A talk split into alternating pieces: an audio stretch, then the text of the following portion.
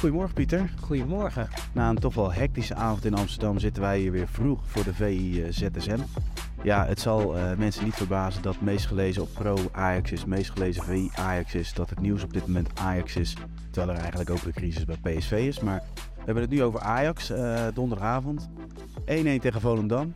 Schreuder eruit. Dat hij eruit gaat is niet verrassend, maar het moment vond ik wel opvallend. Ik had verwacht dat we deze ochtend het bericht zouden krijgen. En jij? Ja, zo snel. Na die 1-1 dacht je inderdaad van, nou, dit is uh, voorbij. En dan was meer de vraag van, wanneer krijgt hij het uh, te horen? En dat uh, gebeurde al razendsnel. Dus dat lijkt te tekenen dat eigenlijk dit scenario al klaar had. Want in ieder geval, de beslissing werd razendsnel genomen. En scheurde er niet eens meer de persconferentie na afloop. En daar schreef, schoof Edwin van der Sar al aan. Is ja. uh, op Pro helemaal uh, terug te kijken. En dat is ja, ja, toch ook wel een fascinerend ding. Kijk in wat er uh, bij die club gaande is. Ja, er gaat natuurlijk veel meer fout. Want het gaat ook om ja, wie, wie moet nu de nieuwe trainer aanstellen. En, en technisch, ja, technisch directeur, daar zijn ze nog steeds naar op zoek. Het gaat dan ook om vertrouwen in Schreuder. Vertrouwen in het technisch duo Hamstra-Huntelaar. ja, in, ho in hoeverre kan Van der Sar zichzelf iets verwijten, vind jij? Nou, die vraag werd ook aan hem gesteld. Ja, maar terecht ook. Waarop hij zei, dat is een hele goede vraag.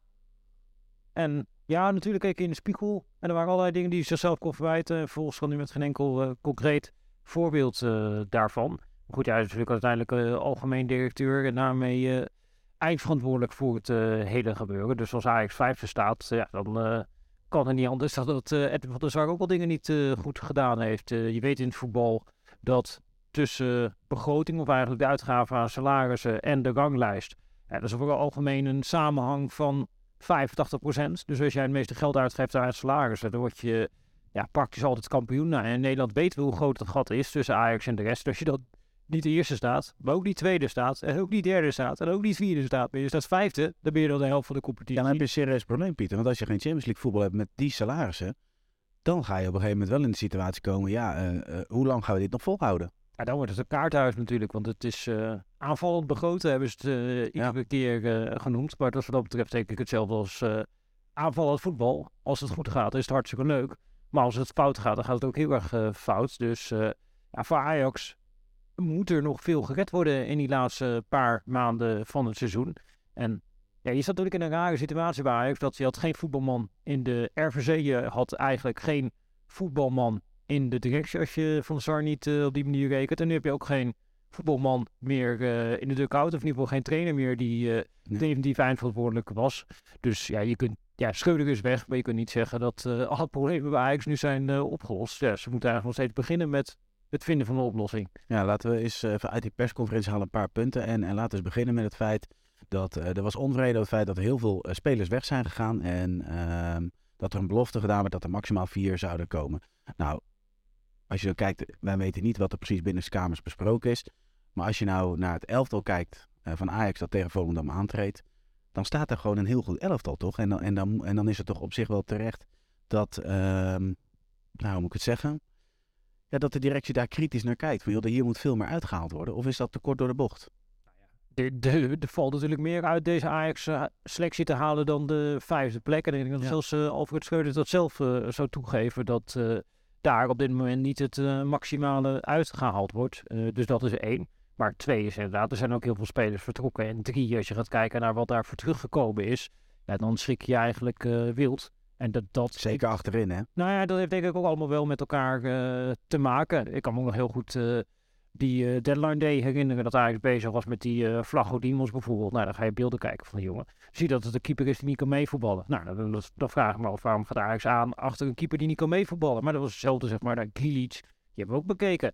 Nou, daar, daarvan bleek dat hij het beste had gespeeld de afgelopen jaren als libero in de driemans defensie. Ja, Ajax speelt zonder libero in de driemans defensie. Dus ja, wat, wat, wat ben je met hem voor plan? KLV Bessie, ja, die ga je bekijken. Hij is uh, snel, hij is fysiek sterk, maar uh, moet opbouwend beter worden. Uh, Sanchez, je gaf het zelf aan in een interview, dat hij niet gewend was om aan de binnenkant te spelen. Ja, bij Ajax weet je dat de back aan de binnenkant moet gaan spelen. En ja, ook Campos, nou, ik, ik zag deze week nog dat artikel voorbij komen, dat wij schreven, Ente, ook Campos is geen Anthony, omdat het een speler was die moest hebben op fysieke kracht. Ja, ja. En loopacties in plaats van dribbles.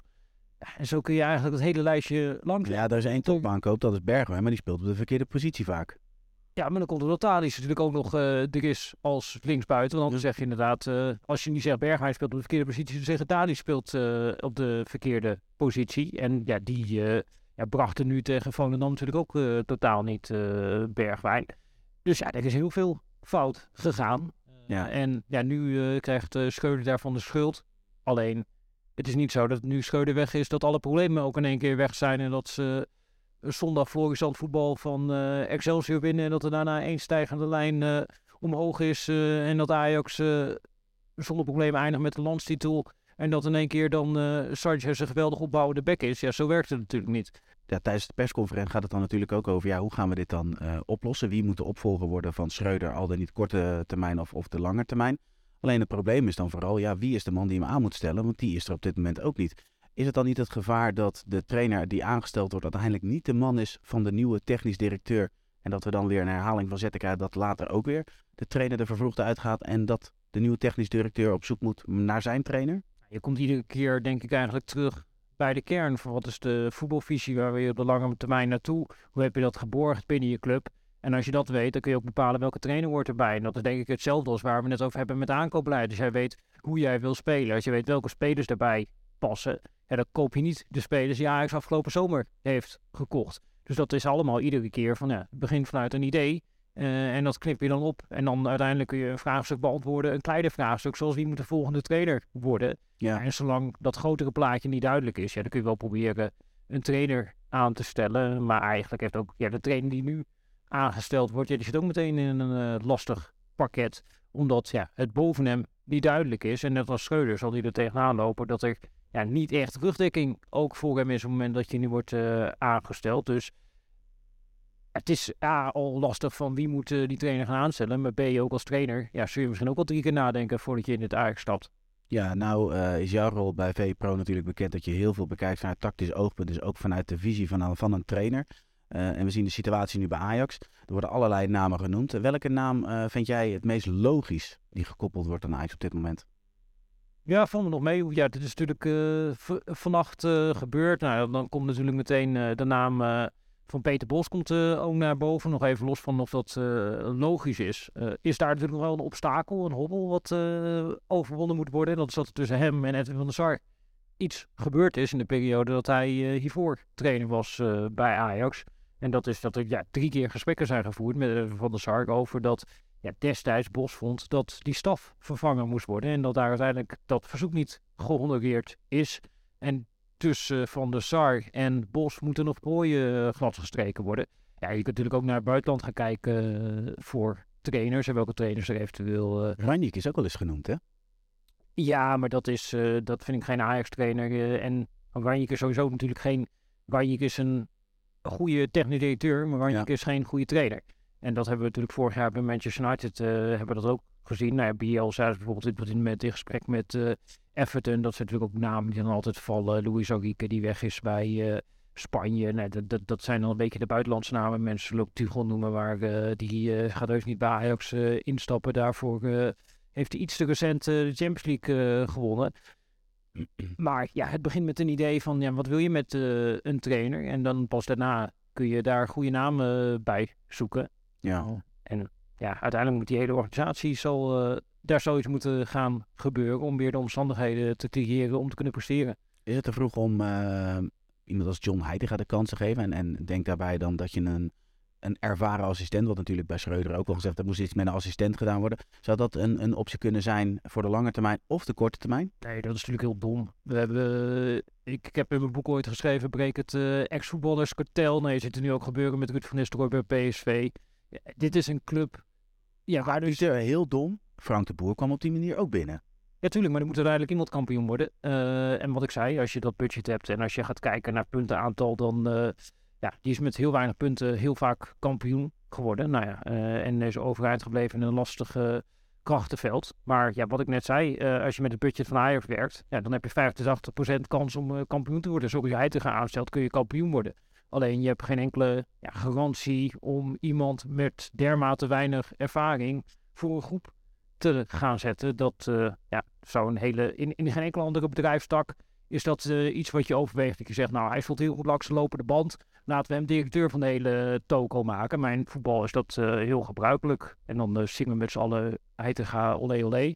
Maar ja, maar Pieter, dan, dan kan hij nooit daar uh, aan de slag. Of is het gewoon dat hij nog wat meters moet maken elders? Ja, dat is toch heel normaal. Dat je dan eerst ergens ervaring uh, opdoet. Dan ja, kan blijken dat jij uh, betaalde, bepaalde competenties hebt voordat jij de baan krijgt bij de grootste club. Dus en je buitengewoon getalenteerd bent. En die, die trainers zijn er natuurlijk ook. Pak in Duitsland. Die jonge trainers die snel de kans hebben Dat is juist het verkeerde voorbeeld. Omdat die hebben helemaal niet snel een kans gekregen. Want toen hij te gaan op het veld stond, 15 jaar lang, hebben die 15 jaar lang hebben ze op het trainingsveld gestaan. 15 jaar lang ervaring opgedaan als trainer in plaats van 15 jaar lang ervaring opgedaan in voetbalhumor in de kleedkamer. Dus dat, dat, dat is, zijn natuurlijk totaal... Dus eigenlijk zijn de ex-voetballers die kunnen pas uh, tegen de 50 een kans krijgen bij een absolute topclub. En de, ja, even gek gezegd, de trainers die eerder stoppen met, met voetballen, dus de, de Nagelsman, de Tugels, die zouden uh, dat al eerder kunnen doen. Vanwege de ervaring. De, de ervaring is inderdaad uh, anders, maar ook een soort van ja, theoretisch kader wat je natuurlijk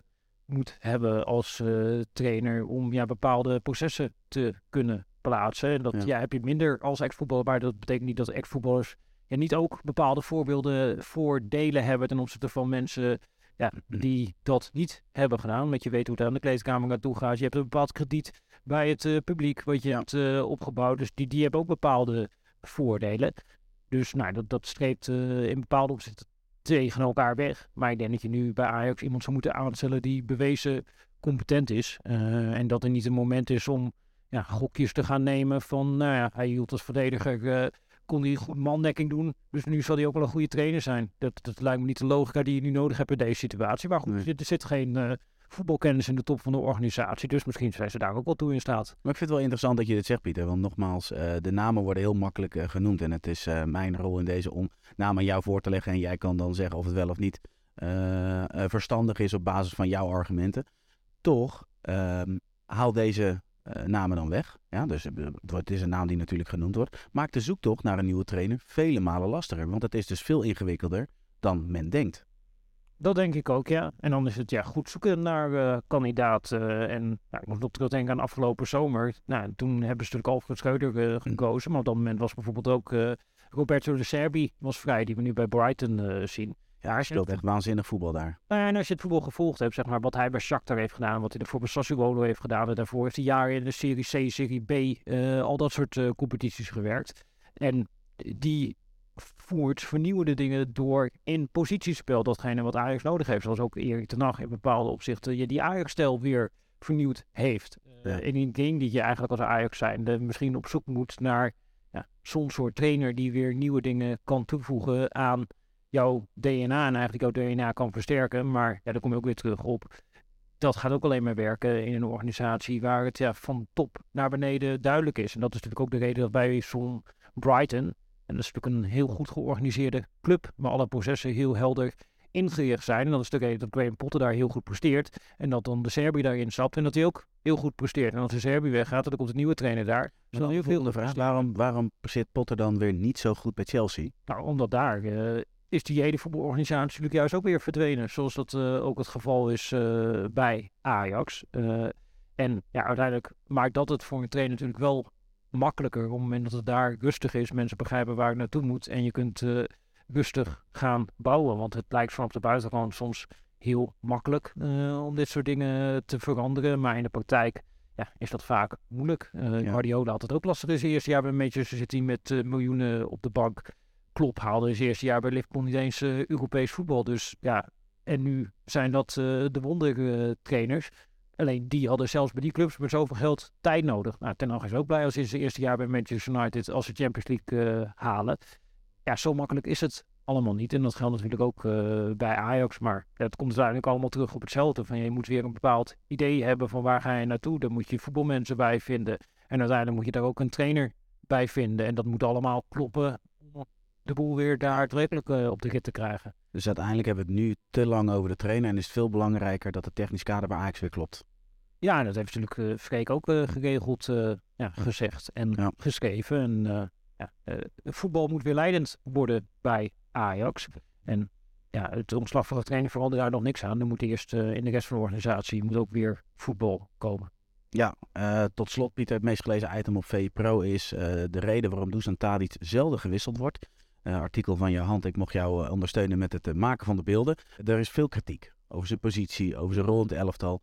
Maar jij hebt in het kort eigenlijk uitgelegd van, joh, dit is de reden waarom Schreuder toch vaststaat aan hem. En wat is dan de belangrijkste reden in jouw uh, oogpunt? Ja, de, de, de belangrijkste reden en de meest simpele reden is dat uh, Dusan Tadic en nog steeds heel veel kansen creëert voor uh, Ajax. Uh, na 17 wedstrijden stond hij op 10 assist.